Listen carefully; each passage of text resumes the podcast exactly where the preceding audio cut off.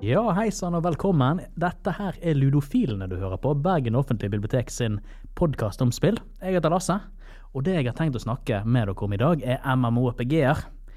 Nå for tiden så er det jo eh, et prosjekt i gang her på Bergen bibliotek som heter Bibliotekenes spillpris, der vi da forsøker å sette fokus på norsk spillutvikling og norske spill. Og en av de nominerte da til eh, Bibliotekenes spillpris er eh, MMORPG-en Anarchy Online. MMORPG er en forkortelse som står for Massive Multiplayer Online Role-Playing Game, og er jo en sjanger som har vært veldig populær fra sånn cirka midten av 90-tallet, og fremdeles er ganske, ganske rimelig populær. Jeg skal ikke snakke alene om dette her, heldigvis. Jeg har med meg to stykker i dag. her. God dag, Helene. God dagen. Er du klar for MHPG-samtalen? Er dette en sjanger du brenner for? Ja, egentlig. Eh, selv om det er en munnfull. Ja, absolutt. Jeg, MMO er jo oftest den forkortelsen man kanskje bruker, fordi det, Ja, det er mer det- fordøyelig. Jeg går eh, Jeg sier det, og så mener jeg MMO-RPG. Ja, for det, er jo, Altså, det, det er jo en sammensatt eh, definisjon, dette her. Det er jo rollespilldelen og Massive Multiplayer Online-delen, men vi går ikke inn i akkurat det akkurat nå. Du er jo ikke den eneste gjesten jeg har. Jeg er også med meg Grim, og jeg sier gjest, men dere er jo deltakende på samme måte som jeg. Likeverdige, rett og slett. Likeverdige deltakende. Det er bare jeg som stiller spørsmålene. Vi er alle like klasseløse. Ja, det er sant. Eh, MMORPG er en sjanger som du er Kanskje bare skal si MMO jeg òg. Kanskje det er enklere. Er dette en sjanger som du er, er brenner for? Eh, jeg støtter at vi bare tar MMO fremover. eh. Eh, det, det er vedtatt. det, ja, rett og slett. Eh, om det er noe jeg brenner for? Eh, jeg tror nok jeg brenner for det mer i, eh, i konsept enn i eh, realitet. Ja. Det er Det tar ikke så mange timer eh, i hverdagen, med andre ord. Nei, jeg har vel aldri vært eh, direkte involvert i et eh, MMO sånn gjennom min, en spillhistorikk. -hmm. Jeg har vært med i andre typer uh, uh, spillmiljøer online, men det har ikke vært Det har vært rundt spill som Altså andre typer multiplierspill. da. ja, det, det vil jeg si at det er egentlig det samme. Jeg har ikke sånn Jeg er ikke en som har vært så aktiv i sånne spill i veldig, veldig mange år og sånne ting, men historier jeg har hørt, og ideene og alle det Ja, det er det jeg er sånn veldig brenner for, da, enn Ja. at det jeg er aktiv deltaker sjøl, da. NF MMO, eh, MMO-sjangeren, jeg klarte det så vidt å ta meg inn i er jo en, et spillsjanger som strekker seg langt utenfor bare spillet. Fordi altså, Det har jo en helt sosial dimensjon. Vi tar og snakker om det om litt. eh, For nå tenker vi skal snakke om den nominerte til Bibliotekenes spillpris, og det er jo Funcom sitt Anarchy Online. Mm. Jeg vet at du ikke har spilt det, Grem. Du har gått glipp av noe her. Jeg har, jeg har jo glipp av det. rett Du har og gått slett. glipp av det, Men du har alltid mulighet til å spille dette. Det er jo fremdeles et aktivt spill, selv om det blir gitt ut da originalt sett i 1997. Så er det fremdeles aktivt. Du kan eh, spille det via Steam, og det er gratis å spille. Så der er det uansett, hvis du vil ha en del av eh, spillhistorien, hvis du vil oppleve et av de nominerte til Bibliotekenes spillpris, så går det an å spille det fremdeles, selv om det er et gammelt MMORPG. Ja. Men du Helene, jeg og du, vi spilte jo dette her eh, for noen uker siden, du. Ja. Hva er ditt inntrykk? Er dette her, eh, føler du at dette her er noe som du ble så hooket at nå må du spille det hver dag? Jeg kan dessverre ikke helt si det, Nei. men um, Var ikke det 2001 det kom ut? Jeg har lyst til å si 1997, altså, men det kan hende at jeg husker feil. Jeg lurer på om For det kom etter Den lengste reisen, mener jeg. Ja. Men uansett, det er et eh, Det var jo det første til å ha en sci-fi-setting, Ja. som jeg syns er jo så så kult at Mm. et norskt spill var det første. Det var sånn Å ja. Eh, var det det? Innså ikke at det, ikke hadde kommet noen før det, da. Nei, Eh, dette kom kom jo sånn- litt før, eh, litt før eh, Star Wars Galaxies, Ja. så da var det neste store Ja. science fiction MMORPG. Ja, så det Nei, veldig kult at det er et Og at det fortsatt eh, er aktivt òg, Ja. da. Det også kom eh, en veldig stor overraskelse Ja, jeg på min forventet jo at dette her var forsvunnet for Eh, lenge siden. Ja, at det var en sånn eh, Å ja, må vi grave det frem? Nei, det er på Steam. Det er gratis på Steam. Ja, nei, for Hvis dere har sett den, den eh, første timen av videoen der vi spilte med spiller NRK Online, så nevnte jeg òg der at en del av, eh, av eh, problemet med MOPG som sjanger, er jo at disse krever en online live-tjeneste, og at eh, når disse her blir mindre profitable for firmaene, så pleier de å bli slått av. Det betyr at spillene etter en stund er ikke tilgjengelig uansett om du har spillet på maskinen eller ikke, fordi du ikke har en server til å koble deg opp på til. Så det at, at NRK Online etter så mange år fremdeles er aktivt, viser jo på at, at både at, eh, at spillerbasen er interessert i å spille fremdeles, men òg at firmaet, at, at Funcom, eventuelt de de har subsidiert for å, å drive, drifte dette nå, fremdeles ser eh, verdien i det. Og det er jo kjempekult. Ja, det er kjempekult. Og jeg så, altså fra den smakebiten vi så Ikke det at det, det ga meg i dag en sånn at ja, jeg har lyst til å spille det videre, men jeg så jo en sånn hvorfor det ble stort når det kom ut Mm. og sånne ting. Altså, og jeg har jo lest litt om det og sånne ting, og det var jo eh, nyvinning i måten med Quest og litt sånn forskjellig fra, som kom med det spillet. Ja. Ja, for det som er, er kult med historien til MMO-er, er jo liksom at man ser denne incremental, incremental uh, improvements mellom hvert spill som kommer, uavhengig av hvem som kommer ut med det. Og så har jo egentlig alt sammen blitt uh, distillert i World of Warcraft i 2005, uh, og ting har egentlig stått ganske i ro siden da. Vil mange påstå. Jeg eh, er veldig glad i Guild Wars, jeg tenker at de har gjort mye bedre. Men vi tar og ignorerer den for øyeblikket. Eh, dere er jo ikke nødvendigvis de som spiller MMOPG mest, iallfall du, Grim. Eh, men du nevnte at du har liker, du har jo vært borti noe der. Hva er det du har spilt av MMO MMO-er? Jeg har, um, jeg har spilt et uh, browserspill som heter Urban Dead. Ja. Og det er um, Det er et uh, hva, hva er definisjonen av massiv? Eh, det er det, Du kan gå på en sånn stats, eller statistikkside som sier noe om hvor mange uh, Hvor mange uh, levende mennesker som er i spillet, og hvor mange døde zombier som er i spillet. Og der er det nesten alltid til enhver tid mer enn 1500 eh, levende mennesker og eh, mer enn 1500 eh, døde zombier som er aktive. Da. Kan man ha flere kontoer på en gang? Kan man både være zombie og levende? Man kan ha flere kontoer aktive. så det er ikke nødvendigvis veldig representativt for eh, et eh, spesifikt antall eh, spillere i seg sjøl. Jeg har f.eks. tre karakterer. Um, Det er ingen begrensninger. Altså En del av MOPG kommer jo med regler om at du ikke kan spille flere ting om gangen. og sånt. Men er det, er det noen regler for det i Urban Dead? ja, det er, det er noen sånn IP-begrensninger. Så hvis uh, Men du er tech-savvy nok til å komme deg rundt? Nei, men den begrensningen er på, er på antall klikk, da. Okay. Så du må ha Hvis, hvis serveren deres merker at det har kommet mer enn 150 eh, pinger til deres server fra samme IP, så er du på en måte blokket fra å gjøre noe i en dag, eller Ok, noe det er jo en lur måte å gjøre det på. Ja, for i dette spillet så er det Du er, du er hindret fra å aktivt spille det veldig mye. Fordi at du har 50 action points med din karakter. Eh, og eh, det å bevege seg fra én rute til en annen rute, det koster én action point. Hvis du vil si noe in game til en gruppe mennesker in game, eh, så koster det én action point. Det å leite etter utstyr i en bygning koster action points. Det å bygge barrikader koster action points. Det å angripe noen koster action points. Ja, Eh, fordi altså, Litt av poenget med MMO-er er jo at de er alltid på, alltid aktiv. Ja. At det foregår ting i spillet selv om du ikke spiller, fordi det er en verden som er aktiv. altså det eh, kan, En persistent world, som det heter på utenlandsk. Eh, og eh, det virker jo som denne måten de har taklet det på, er at liksom de, de begrenser hvor mye du kan gjøre, Ja. i hovedsak med disse actionpointene, men òg de begrenser hvor mye du kan hjelpe deg sjøl med alternative kontoer med denne ping-begrensningen. Ja, for at du har eh, Den vil òg merke hvis, eh, hvis du står på samme rute som en annen av dine karakterer, så vil du òg bli blokket fra å gjøre ting. Ja. Eh, så, og for hver halvtime som går, så får du én action point tilbake. Så du er nødt til å vente fem, eh, 24 timer for å få opp til 50 action points. For å kunne gjøre da 50 actions, og så må du vente da 24 timer til. Eller så kan du spre actionene dine ut i løpet av dagen, og så uh, gjøre- gjøre det på den måten. Urban Dead fra navnet og fra min egen erfaring, eh, så høres jo dette ut som et spill som er basert på zombier og zombieoverlevelse. Ja.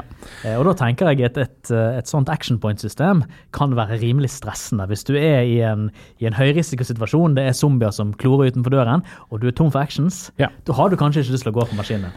Nei, det, og det er liksom Men avhengig av hvis du er tom for action, så er det, liksom, det er ikke så mye mer du kan gjøre. Du må bare må du bare akseptere skjebnen sånn som den er. Rett og slett. Du har ikke lyst til å så- Det blir en sånn eh, Nå er jo alle disse vanene innarbeidet, da. Jeg begynte vel å så spille dette her i 2009 eller noe sånt. Ja, for det er en fastsatt eh, en, en by sånn som Ja. Byen endrer seg ikke i utseende. Nei. Det er og eh, det, det er mange distrikter eh, inne i byen, og man, man vet at OK, man har ikke lyst til å så uh, gå tom for action points når man står på gaten. uh, så når du begynner å så nærme deg 20 action points, så er det liksom OK, eh, du må vite hvilken bygning du gikk fra.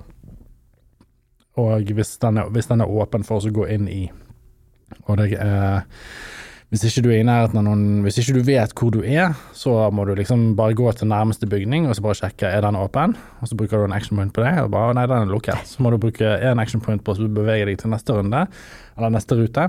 Og så må du bruke en action point på å prøve å åpne døren. Og hvis den er lukket, så har du brukt to action points. Sånn, så må du gjøre det, da. Så da bør du planlegge godt at du ikke tømmer deg sjøl for actions eh, Ja. på et dårlig tidspunkt. Og dette her oppfordrer jo òg til medmenneskelig samarbeid på en måte som kanskje ikke nødvendigvis er like nødvendig i andre eh, MMO-er. Mm -hmm. For hvis, hvis jeg spiller dette sammen med noen som er i samme område som jeg er på kartet, så kan jo de da si til meg Hei, hvis du går til disse koordinatene på denne bygningen, så er den bygningen åpen. Jeg har eh, sørget for at den ikke er fullt barrikadert. Så bare sånn åh, thank you, og så bare går jeg dit, og så har du spart massevis av action points fordi at jeg vet at den er åpen. Men dette her høres ut som et system som har stort, uh, store muligheter for å lure folk. Ja, absolutt. absolutt. Har du noen gang blitt lurt inn i et hus der det er zombier som venter på deg og sånne ting? uh, nei, det har jeg faktisk ikke. Uh, jeg Der har du potensialet for å lure andre, altså. jo da, og det er, det er absolutt en god del Fordi at du kan ende opp med å ikke ha action points og sånne ting, så er det mye sånn der uh, griefing som kan skje. uh, der uh, hvis hvis noen andre spiller zombier, og de har en venn som er menneske, så kan det mennesket liksom løpe rundt og så finne ut hvilken bygning har masse mennesker i seg. Og så kan mennesket da gå inn og så fjerne alle barrikadene, sånn at zombiene bare kan gå inn og så begynne å spise alle sammen. Eh, og det, det skjer støtt og stadig. Så det å så være, det å så være i nærheten av store grupper mennesker er nesten minst like risikabelt som å være i nærheten av masse grupper zombier. Sånn sett høres det ut som dette spillet har klart å fange essensen av eh, zombieopplevelser veldig godt. Altså, det farligste er ikke alltid zombiene, men heller de andre overlevende. Absolutt. Og så har man òg folk som rollespiller som er mennesker, som dreper andre mennesker. Ah. Og så får man da folk da som rollespiller som et slags politi, da, som er ute etter å finne andre PK-er. Altså player killers. Og da går jo på klart en, altså Nå er det jo snakk om, om politikken i spillet, for der er det, det er jo den politiske dimensjonen her. Eh, om, om hvordan det fungerer.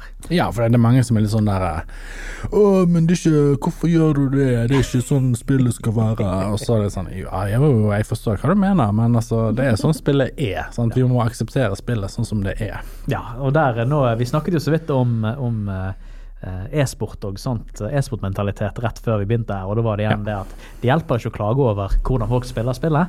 Eh, Så lenge det er mulig, så vil folk gjøre det. Ja, og det må man bare akseptere. Mm. eller, eller slutte å spille spillet, rett og slett. Det er de to alternativene man har.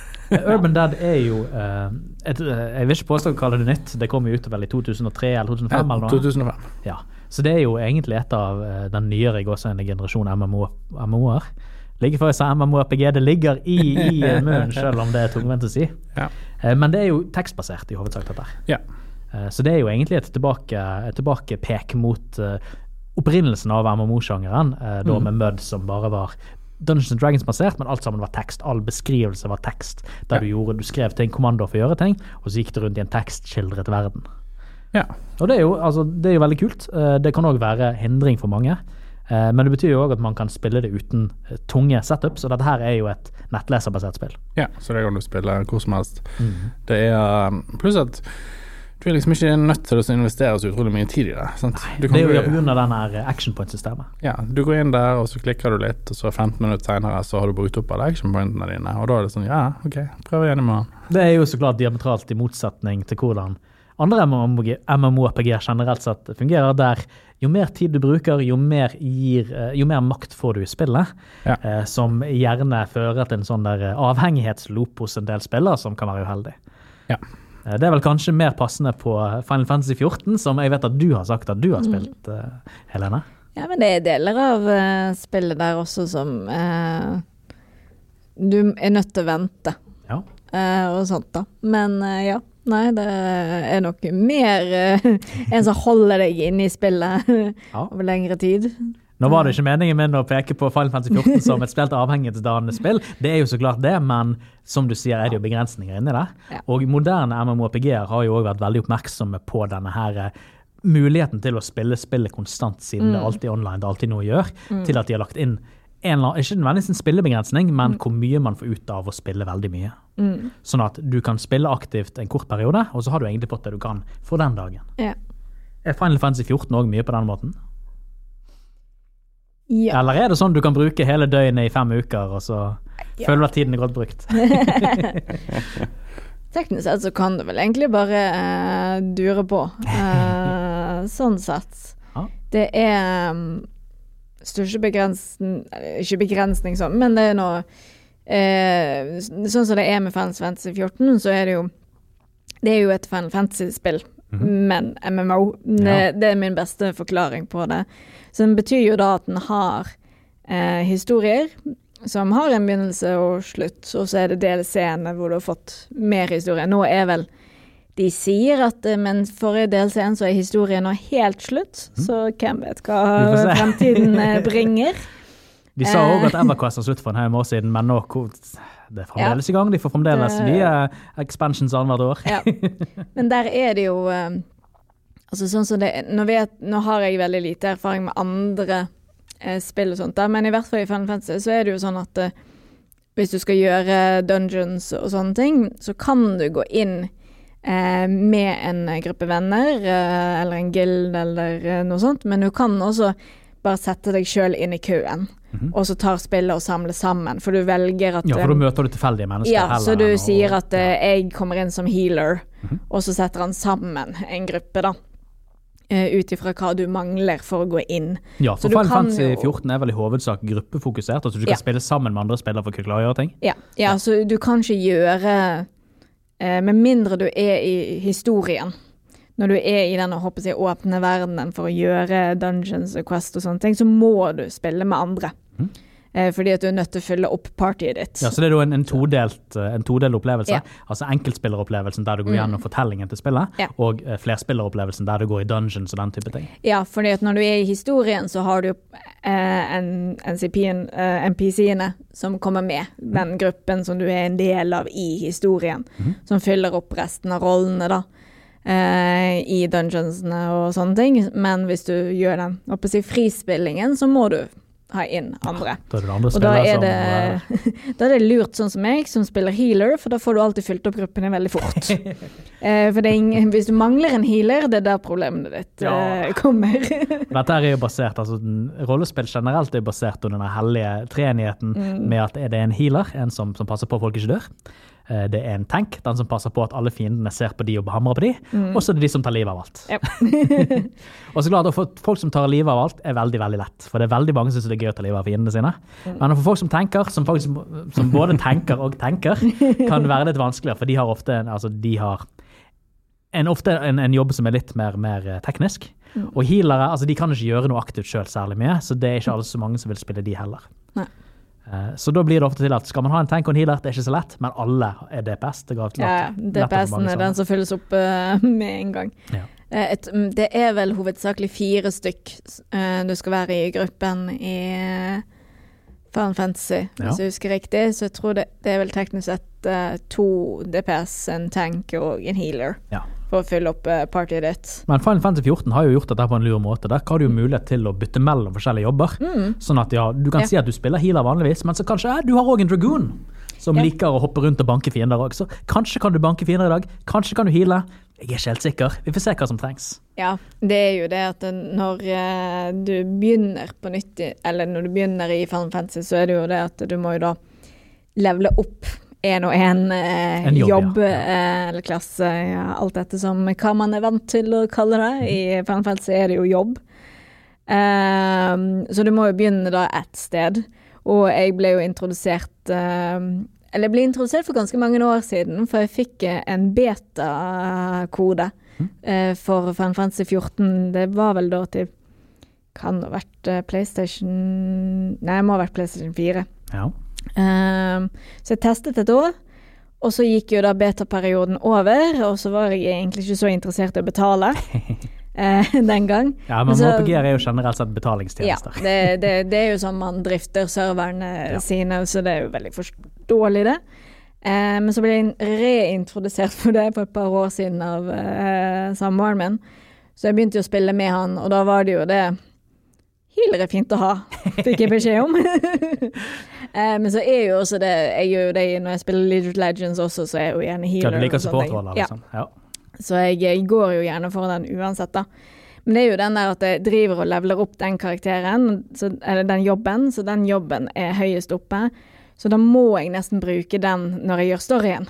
Ja. Så det er litt sånn Eller så må du gjøre en sånn jevn leveling opp av alle jobbene Ja, dine. for ellers må du vel gjøre altså Du må catche opp med den andre, Ja, og det er jo du- dobbelt så mye. Når du eh, håper å si, gjør tilgjengelig eh, hovedoppdragene, så er jo de spesifisert i hvilken level du må være. Ja. Så da må du enten da gå tilbake og gjøre masse av de frie dungeonene for å levele opp jobbene dine, eller så må du bare bruke den som du har brukt eh, hele tiden. Og Det høres litt tungvint ut, kanskje. ja, jeg tror faktisk den knytter seg opp til den type jobb du velger òg. Så okay. du må faktisk velge en sånn type rolle, da. Så da er Så- muligheten der, men det er ikke nødvendigvis så enkelt som bare å trykke på Nei, en Nei, for jeg tror jeg må være white mage, faktisk, Ja, når jeg Ja, når du gjør historien din? Ja. Ja. Uh, for jeg tror jeg, det er det jeg liksom valgte.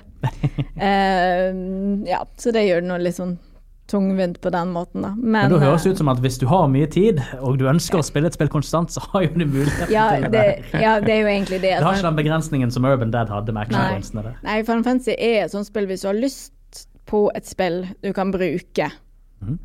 mange, mange timer og år på, så er det helt perfekt for deg. Det høres ut som et, et veldig fint det, det, det, det Det er der jeg ikke er personlig nødvendigvis. At, eh, for jeg skifter veldig mellom hva spill jeg spiller. Så eh, om det er konsentrasjonsevne eller hva, hvem vet. Eh, YouTube-generasjonen. eh, Ja, det, det er nok det.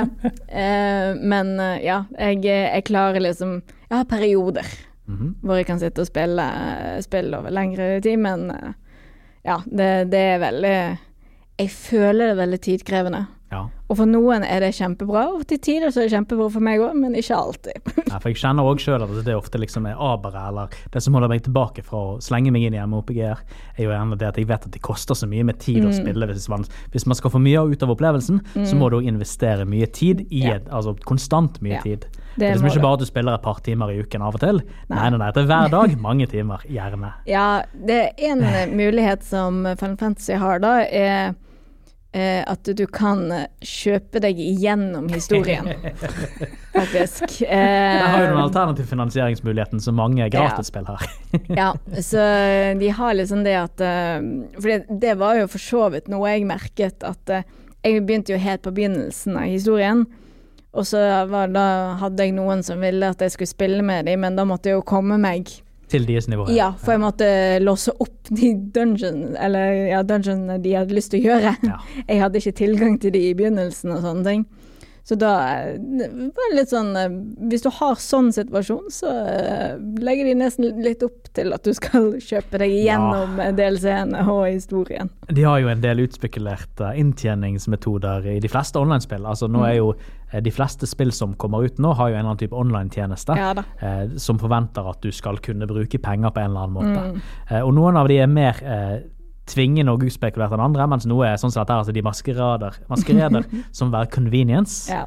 Eh, mens altså, de designer jo spillet opp til at du skal spille med andre spillere. Mm. Men de spillerne de er ikke helt ditt nivå, så du må enten kan du ikke spille med vennene dine, eller så kan du betale litt og spille med dem.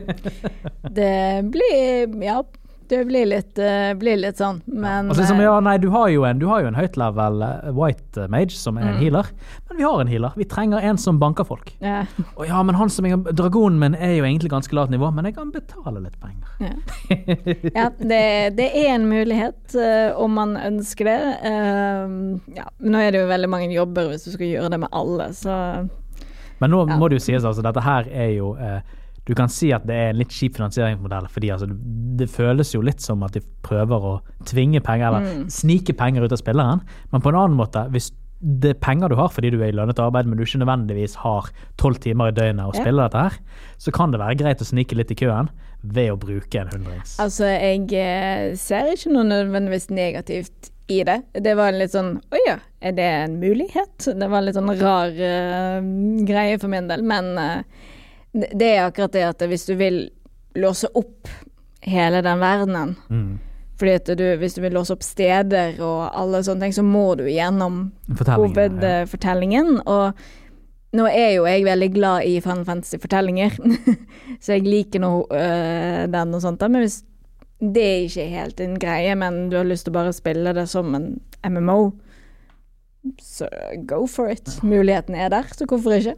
Ja, nei, jeg tror altså Når det kommer til finansieringen av MMORPG-er, eller med spill generelt sett for tiden, så kunne vi hatt nok med podkastepisoder ja. bare om det temaet. Eh, men altså, den balansen mellom at du har tilgang til innholdet gratis, men du kan betale deg forbi timesinksene, tenker jeg egentlig er en god ting. For da betyr det at de som har mye tid, men lite penger, kan spille spillet og likevel få hele opplevelsen ut av det. Mens de som har lite tid, eh, men i alle fall nok penger til å kunne betale ut seg ut av det som tar mest tid, jeg tenker at det er en fin løsning for, Ja da. for en så vid spillerbase som mulig.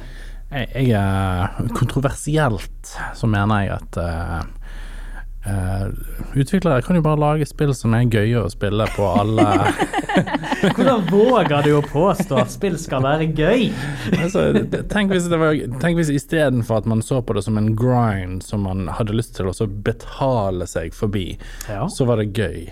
Og så kunne man ha det gøy med å spille det istedenfor. Altså, én ting jeg kan si eh, litt sånn så til støtten som den der, som er den store frustrasjonen min i sånn som det spillet, det er den derre OK, når jeg får et oppdrag der, så må jeg gå dit for å prate med en person, for å så komme tilbake, for å så gå dit for å prate med den, og så må jeg tilbake, og så Mye time wasting, ja. Ja, det er veldig mye sånn der Jeg skal ikke egentlig gjøre noe enn å levere ting, eksempel, eller prate med noen, og så må Ja. jeg tilbake.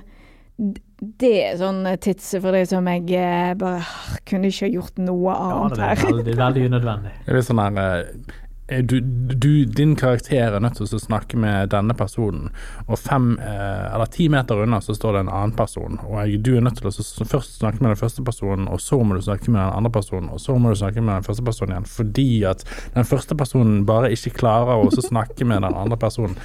Det er absolutt sånn, sånn eh, contrived, hva er det liksom tilrettelagt for å eh, være frustrerende. Ja, jeg føler i hvert fall eh, på den uh, Da da føler jeg litt sånn Dette er bare fyll. Ja. Uh, og da Det tar meg ut av historien. Nei, jeg, altså, jeg er enig med deg at, det man, at, at spillet skal ha en verdi uten at man nødvendigvis må Altså At de padder spillet med innhold som bare tar tid, som man gjerne ikke vil oppleve, er jo absolutt et problem. Eh, Men når det kommer til eh, Final Fantasy 14 spesifikt, eller MMORPG-er med mye fortelling eh, generelt, så er det jo til at denne fortellingsdelen er jo en viktig del av opplevelsen. Ja. Eh, ja og og du vil jo sikkert mest sannsynligvis ha lyst til å oppleve den første gangen uansett. Mm. Eh, Så klart, når du spiller gjennom spillet seinere, så er det veldig overflødig at de krever at du går gjennom den, sånn som det skjer med, med alternative jobber i Final Fantasy. Så hvorfor de ikke bare lar deg skippe det gratis, det er jo et godt spørsmål, men svaret der ligger jo så klart i inntjeningen. ja, ja. Det er Men du da, Lasse, har du spilt noen uh, MMO-er? Jeg har, uh, men så klart, siden jeg har spilt MMO-PG-er, så forsøker jeg å la være å spille det videre. For som jeg nevnte tidligere, så er jo dette her en sjanger som er lagd for å kunne spilles mye, og det blir til at det blir brukt veldig mye tid. Så nå i voksen alder, ikke fordi jeg har for lite tid, men jeg føler ikke at jeg har lyst til å bruke så mye tid dedikert på ett enkelt spill. Eh, Fordi jeg har jo spilt veldig mye MMORPG-er eh, gjennom livet. Jeg spilte jo Ultima Online når det var en greie på 90-tallet. Eh, ikke så veldig mye, for da var jeg jo i begynnelsen av tenårene. Det er ikke akkurat som jeg hadde penger til å spille dette. her. På den tiden, i gamle dager, når menn var menn og kvinner var menn de òg, så var det eh, 56K modem som man brukte for å spille på internett, som var koblet til telefon. Og denne brukte da vanlige tellerskritt, så skal man være på internett, så var det veldig, veldig dyrt. Eh, Jeg hadde heller ikke en PC hjemme som kunne kjøre dette her, så skulle jeg spille dette her, så måtte jeg gå på enten mine venner som hadde det, eh, eller spille det på nettkafé, som var da i, i mitt nabolag. Eh, Det var Gnett, som var på det tidspunktet, tror jeg, borte med Grieghallen. Og så var det Netropolis, som var borte der som Kåpe KP, Konsertpaléet, ligger nå. Og der kunne man gå inn, betale en sum for å sitte en time og spille, og så hadde man mulighet til det. Men som tenåring så hadde jeg ikke penger til sånt, så det ble til at jeg spilte eh, ganske lite. Det jeg spilte mer av, var EverQuest i årene seinere, når jeg begynte å ha inntekt av den type ting. Og det var til et sånt spill at så lenge man hadde internett, så lenge man hadde PC som kunne kjøre det, som jeg hadde på den tiden, så kunne man bruke evig, evig mye tid på det. Og da ble det brukt veldig mye tid. Uh, Everquest er ikke det spillet jeg har brukt mest tid på, det er nok World of Warcraft. så det spilte jeg jo ganske uh, innbitt fra 2005 til jeg har lyst til å si 2007-2008 eller noe. Uh, men etter det så hadde, var egentlig sjangeren egentlig veldig oppbrukt for meg. Liksom, jeg føler liksom jeg har hatt det som sjangeren har å by på av opplevelse. Så når, alltid når, når det kommer nye MO-RPG, så tenker jeg ok, hvordan er dette annerledes? Er dette annerledes i det hele tatt, eller er det liksom den samme opplevelsen eh, som jeg da egentlig har opplevd før, som jeg egentlig ikke trenger å oppleve igjen? Det er jo egentlig et, et veldig interessant spørsmål. Da. Altså, mm -hmm. Hva er det MMO-er kan gjøre som vil få folk til å tenke at å ja, dette her er noe nytt. Dette her har ikke jeg spilt si, på 90-tallet eller tidlig 2000-tallet. Ja, for det er jo veldig mye resirkulering av de samme konseptene og den samme utviklingsveien. Som, altså, når du har spilt ett MORPG, så har du egentlig fått med deg hele den opplevelsen. Det kan være ny fortelling, ny verden, nye fiender, nye egenskaper, nye abilities, den type ting. Men, men, det vil alltid være en eller annen NPC med et utropstegn over hodet, liksom. Er, ja, eller noe tilsvarende. Ja. Men du hadde jo altså sånne som, som Warham Online uh, og Guild Wars 2, uh, eh, der de hadde mer sånn dynamiske, uh, dynamiske Quest-systemer. Der du gikk til et sted, og så var det noe som skjedde. Og så lenge du bidro på en eller annen måte, enten med å plukke blomster, eller med å utforske, eller med å slåss mot monstre, eller å hjelpe å beskytte et område, så fikk du da en delvis contribution til det som skjedde i området.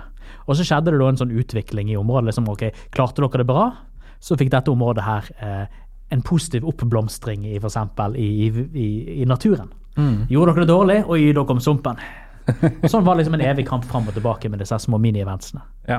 Eh, nå vet jeg ikke om Warhammer Online hadde denne her uh, utviklingen fram og tilbake-systemet, men det hadde jo Guild Wars, eller har fremdeles Guild Wars 2, der det er sånne nivåer med progressions på sånne area quests. Uh, og det er jo en, altså, det er mer interessant enn at du går og snakker med en NPC som sier hei, gå bort dit, plukk 20 nøtter og kom tilbake til meg. Ja. uh, jeg tror jeg har hatt det questet. det er mange av de. Så det, blir jo, det er jo forsøk på å endre ting. Eh, og spesielt Guild Wars 2 syns jeg er en veldig vellykket og, og en veldig gøy opplevelse, selv om så klart det er rimelig kaotisk.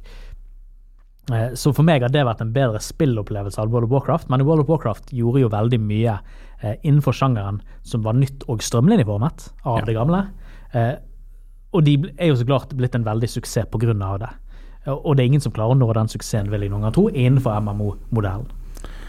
Ja, når det er altså Når jeg liksom ser på gamle, gamle videoer av liksom Ultima Online, så er det sånn her Åh, hva Dette spilte folk, ja. Mm -hmm. det var kjempegøy.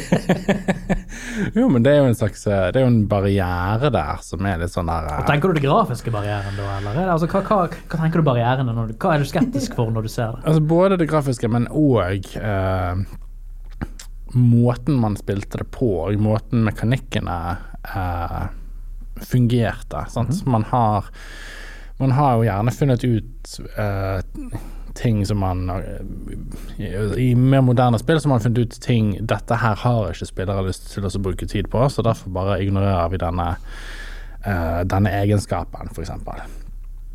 Men uh, ja, så det er, det er noen sånne Noen gamle spill har noen veldig kule og gøye ideer, men som er liksom implementert på en måte som gjør det veldig frustrerende å måtte forholde seg til det. Ja, det er det som er den største utviklingen innenfor MOPG etter hvert som det blir senere generasjoner av de, er jo så klart denne quality of life-forbedringen, men som du sier, at de har funnet ut eh, hva fungerer og hva fungerer ikke. Ja det er jo ikke alltid de klarer å vite hva som fungerer, hva som fungerer ikke. For det er jo en del ting som de tenker fungerer, som egentlig ikke fungerer. Ja. Og en del ting som de tenker ikke fungerer, som var viktig for opplevelsen. Selvfølgelig, og det er jo, det er jo andre siden av den mynten. Ja. At man fjerner ting som eh, Sånn som når man fjerner eh, eller når man implementerer f.eks. fast travel i et spill, som tidligere ikke har hatt fast travel, uten å tenke på hvordan vil det påvirke denne verden, mm. så har ikke man tenkt ut at ok, men da bør det kanskje være eh, Siden det er fast travel her, så trenger ikke de å tenke på eh, at universet så ville jo det vært hest og skjære som kjørte fra denne byen til den andre byen osv. Mens eh, det var kanskje noe man tenkte på tidligere fordi at man ikke hadde fast travel, og da måtte man lage en verden som inkluderte vanlig offentlig transport. Sant? Uh, men det som er litt av problemet også nå med moderne spillutvikling åh, moderne spill. Nå er vi inne på den finansieringsgreien igjen. At veldig, veldig mye fokus blir brukt på å designe hvordan eh, finansieringen av spillet skal fungere innen de mikrotransaksjoner. eh, og hvordan spillmekanikkene, hvordan spillflyten, skal eh, plasseres rundt dette her. Ja. Så da er det jo igjen ikke spillernes opplevelse som er det viktigste. Altså klart At spillerne har, er hektet på spillet og vil spille mye og bruke penger, er viktig. Men det er ikke nødvendigvis fordi de skal ha en god opplevelse, det er fordi de skal spille spillet mye og da har lyst til å bruke penger. Ja. Så det er jo igjen at fokuset ikke er nødvendigvis så mye på spillegleden som å holde spillerne engasjert. Hvordan, Det er jo en forskjell her, vil jeg påstå. hvordan, hvordan trigge dopaminutløsningen Absolutt, på, på en måte som òg åpner lommeboken. Ja, ja, ja. ja, ja, ja. Det, det er jo noe veldig skittent der. Og så klart, noen spill og noen utviklere er jo mye mye mer utspekulerte og mye mer fokuserte på det, mens andre har jo mer fokus på spillergleden.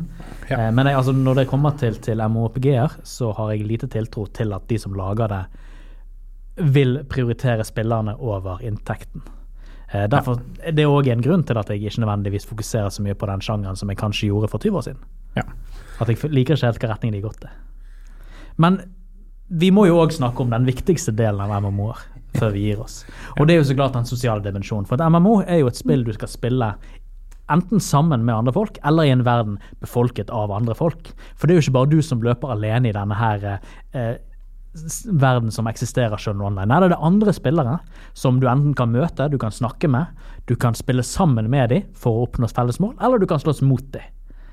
Er denne sosiale dimensjonen er det noe du møter noe særlig på i Urban Dead, som du snakket om? Eh, Du nevnte jo at du, du kunne snakke med noen, så kunne de si deg hvor du skulle stikke av, og så sa jeg ja, men hva om de vil drepe deg? Allerede der er det jo et, en beskrivelse av hvordan dette kan fungere. Jo da, og i, i Urban Dead så er det, det er litt spesielt, for at det, det finnes ingen uh, NPC-er. Altså det, det, hvis, hvis du ser en person eller en zombie, uh, så er det en annen spiller som er der. I mange eh, moderne sånne eh, i, mange, I mange spill så er det mange MPC-er som ikke er styrt av noen spillere, som du må snakke med av forskjellige grunner, men her er det kun andre spillere som er tilgjengelig, og du kan snakke med dem in game, eh, eller du kan Det Er alt av zombier og spillere, eller er det NPC-zombier? Nei, nei, det er, det er kun spillere. Okay. Så det er Uh, Og zombiene de kan snakke, de òg, men det kommer sånn der Det er liksom ikke Det er en sånn der eh, tekstforvrenger som kommer fram, da. Det er så gøy. Anyways, så det er mange, mange inni spillet da som uh, Du kan også bruke sånne spraycans for å tagge, uh, tagge ting. Så du kan liksom tagge lenker til Discord-servere, sånn at du kan liksom Å ja, OK, i denne Den ene karakteren min henger ut i en bar, da. Og den baren har en sånn Discord-server, og så har jeg gått inn der, og der er jo det mye sånn beskjeder. Oh, there is uh, zombies. Uh, 20 clicks to the east. Uh, og så uh, er liksom revive points, da. For hvis du blir drept av en zombie, så kan du da um, Så kan du bli revivet av noen hvis de har en sånn uh, motgift-syringe-sak. og så er det gjennom historien, da, eller gjennom den re... Altså den Ikke historien in game, men gjennom spillhistorien, så har man vent seg til at hvis, man, hvis du er zombie som har lyst til å bli et menneske, så kan du alltid prøve å finne deg en kirkegård, og så kan du bare stå på kirkegården. Og da er det sånn allmenn allmennkjent at hvis zombier bare står på en kirkegård, så har de lyst til å bli revivet. Så, men det er litt sånn, det er litt sånn treig måte å gjøre det på. Så det er bedre å bare finne en Discord-server med aktive folk. Eh, Og det finnes jo en offisiell Discord-server òg, der du også kan snakke om disse tingene. Der du kan liksom si 'Hey, I want to revive', eh, og så kommer det noen da i løpet av noen timer eller en dag eller to. Eh, kan, når de da har action points tilgjengelig for oss å gjøre det, og så reviver de. Og da er jo det sånn Ok, her var det noen som så meldingen min, så jeg bare Jeg joiner den Discord-serveren, og så kan jeg henge ut der og så hjelpe til å barrikadere hvis det plutselig ser at nå barrikadene begynner de å løsne og sånne ting. Så eh, det er mye alt, Alt som skjer der, er jo på en eller annen måte sosialt, for det, det er kun andre Ja, andre det skjer jo i kontekst andre mennesker. Ja. Dere, dere hjelper hverandre å lage underholdningen, enten om det er mot hverandre eller med hverandre. Ja, og det, det er sånn med zombiene. For zombiene, du kan få en sånn skill da, som heter zombie growl. Eh, så du kan drive og rope på gaten, da. Og så kan du da, neste gang du logger på, hvis det er noen som har gjort det i nær nok radius av der du er, så, kan, så står det liksom ah, 'Zombie growled uh, four uh, spaces to the left of you'. Så bare sånn Går du den veien, og så bare sånn 'Å ja, her var det noen zombier'. Og så OK, de, de, hvorfor står det 20 zombier utenfor dette bygget? Ja, nei, men jeg går bort der, og så angriper jeg òg. så det er um, uh, Det sosiale er jo kanskje det som er det mest interessante med MMO-er, da. I Ja, mine for da er det jo, hvis vi tenker, vi snakket jo så vidt for episoden om EVE Online. ja, Og riktig, Der snakket jo du om at du hadde lest noen artikler og sånt om store ting som skjer. Og dette her er jo et, et produkt, en, eh, noe som har skjedd over sosial manipulering over lengre tid, Og sånne Ja. store episoder i spill som, Anarchy, nei, som EVE Online skjer. Ja, EVE Online er jo helt spesielt. Ja. Eh, og det er det er en sånn spillblogg som heter Kotaku, eh, som jeg følger da på Facebook. Og hver gang de skriver om EVE Online, når noe crazy har skjedd der, så må jeg bare inn og lese det. For at det er det er liksom Det er så massivt, massivt spill med store faksjoner, da, som spillere har lagd Ja, De organiserer seg i grupperinger som da har sine egne kommandostrukturer med liksom sjefene på topp og offiserer og sånne ting. Ja. Eh, og så jobber de jo sammen for det målet betaler skatt inn til felleskassen og sånne ting. Ja, og, dette er jo da, så vidt jeg har forstått, så er ikke dette noe som spillet i seg sjøl sier at de skal gjøre. Dette er noe som de har lagd på egen hånd. Så de lager sine egne sosiale strukturer og alt sånt som det der. Og så kommer det da selvfølgelig Når det er store, store ting som skjer, så er det som regel enten en liten, liten faksjon inni den store faksjonen som du har sabotert for hele faksjonen, og det er bare sånn der Wow, hvordan gjorde de det? Og det er sånn der sosial, som du sier, sosial manipulasjon over flere år. sant? Eh, og det er Det bare helt vilt. For Eh, EVE Online er jo et spill som, som de fleste andre MMORPG-er er veldig avhengig av at man bruker veldig veldig mye tid. Eh, og eh, når du bruker mye tid i spillet, så opparbeider du deg verdier som du da kan bruke til å kjøpe kule skip, eh, romskip og utstyr osv. Men da i løpet av de store, store kampene så kan du da miste verdier tilsvarende tusenvis av timer på arbeid. Og hvis du da tar Ja. og, og sier at det er 100 folk som er med på dette her, som da blir, som, som, som skal slåss, og så blir hele da slaget avgjort av at to folk som har vært dobbeltagenter, har gjort noe rart. Altså Det er jo spektakulært, frustrerende og, og absolutt nyhetsverdig. Så jeg forstår jo hvorfor man leser om dette her. Og det viser jo gjerne viktige tingen med sosial dimensjon. Ja, absolutt. Og det er Dette er jo ting som får meg til å ville spille det spillet. Da. Altså fordi Hva at- Ikke saboteringen i seg sjøl, men den ideen om å skape, skape noe i fellesskap, da. Ja. På en uh, Og så knuse det senere. Ja, da, altså det er jo er, Vi snakket jo litt grann om dette før, eh, før vi startet podkasten, men denne ideen om å skape noe som kan ha en stor påvirkning på Ja, på spillverden. På, en- på en spillverden, sant. Eh, som kan ha en stor påvirkning på den spillverdenen i kontrast til det som kanskje ofte føles ut som at du får, ikke, du får ikke skapt noe som har så stor påvirkning på den faktiske verden. Sant? Og det jeg tror, jeg tror det er en sånn eh, dimensjon der. Beklager nå ikke alarmen. Nå er det en mobiltelefon som ringer bak han. Det var en alarm som jeg Beklager det. Ja, det var en alarm som sier at vi begynner å nærme oss slutten, men vi er ikke helt ferdige helt ennå. Nei, eh, Den sosiale dimensjonen i MOPG. Nå tar jeg hopper fra deg og til Helene, sånn at eh, vi tar og varierer litt hvem som skal snakke. Ja. Eh, du spiller jo sammen med din samboer når du spiller Final Fantasy 14. eller Du har iallfall gjort det deler av tiden.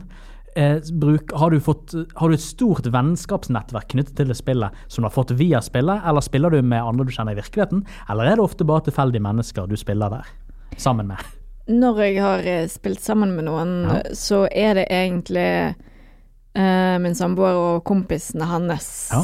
egentlig. Så det er jo folk jeg kjenner Ja, de er i- allerede etablert i, da, i, i, ja, det- i ja, for det, det er jo greien at jeg kom jo inn Ja. ganske lenge etter Ja, de, allerede, var- de hadde grindet seg opp med to-tre kasser allerede. Så de er i en del Jeg husker ikke om det er guild de kaller det der òg, men jeg bare sier guild For, Ja, det er det For det er jo den, den semipermanente Ja. eh, organiseringen Eh, spillere. så jeg er blitt en del av den gruppen der, da. Mm. Uh, så der er det jo ganske Der er det jo veldig mange, så de spiller jo ikke sammen alle sammen hele Nei. tiden, men der har du liksom muligheten til å dra med. Jeg har lyst til å gjøre denne dungeon her, og så skrive det inn dit, sånn at du får med deg Mm. folk der og sånt. Da får du jo mulighet til å utfordre disse sammen med Ja. spillere du kjenner. Ja, så da er det jo den der eh, For jeg merker jo det at for jeg har gått inn i sånne dungeons sammen med min samboer og eh, kompisene der, og da er det jo selvfølgelig eh, Jeg og min samboer sitter jo på samme rom, men da har vi jo gjerne på Discord.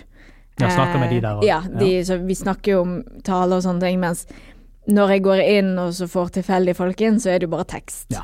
Det er i hvert fall min erfaring på Final Fantasy, er at det, det virker som det er veldig få som bruker uh, mikrofon. sånt, ja. og personlig så gjør jeg jo det ikke sjøl, da, så Ja, men det kan nok være hva man ønsker. Sant? Altså, hvis Ja. du sitter der med vennene dine, så er det jo altså Det er ikke bare spillet man snakker om, da har man løse samtaler om hva som helst. Men jeg har ikke nødvendigvis lyst til å snakke med tilfeldige mennesker på internett om ting som ikke er relevant. for meg så no, Ikke så Men jeg kan se folk som er interessert i det. da Jeg skjønner det veldig godt at de som er vil Det er samme som League of Legends også. Det er de færreste som jeg havner i gruppen som er i voice chat. Men det er jo noen som vil det, og jeg ser jo at det er mye mer effektivt. Ja, absolutt. Det er mye mer effektivt med Eh, stemmekommunikasjon, iallfall i et spill med såpass ja. høy hastighet som League of Legends, Ja. der ting Eh, må, må kommuniseres effektivt. ja, du har ikke tid til å stoppe å skrive. Nei, og i Final Fantasy òg, for den saks skyld. For det er mye som skjer eh, rundt, og alle sånne type ting, da. Så, men Og du kan være sosial sånn utenfor dungeons også, og alt det, møtet på folk i de forskjellige stedene. Ja, I landsbyer og alt mulig Ja. sånne ting. sant? Sånn type ting, da. Jeg har ikke gjort det personlig, da. Men jeg ser jo det at det um, Det er jo veldig lagt opp til den biten der, da. Som skal være sosial og, og sånne type ting. Ja, Den sosiale dimensjonen syns jeg er veldig fascinerende Mm. eh, med MMO-sjangeren. Jeg var jo veldig sosial. det var en litt rar måte å formulere seg på. Jeg, jeg snakket mye med folk i, når jeg spilte Everquest for lenge siden, eh, og det var jo tekstbasert. eh, Mm. Men der var jo ikke tekstbasert et stort problem, for eh, Everquest var et rimelig tregt spill der hver gang din karakter angrep, så tok det tre sekunder mellom hvert angrep. Ja. Hvis du skulle kaste en stor helbredning som, som cleric, så tok det ti sekunder fra du trykket til den spillen traff personen skulle hives.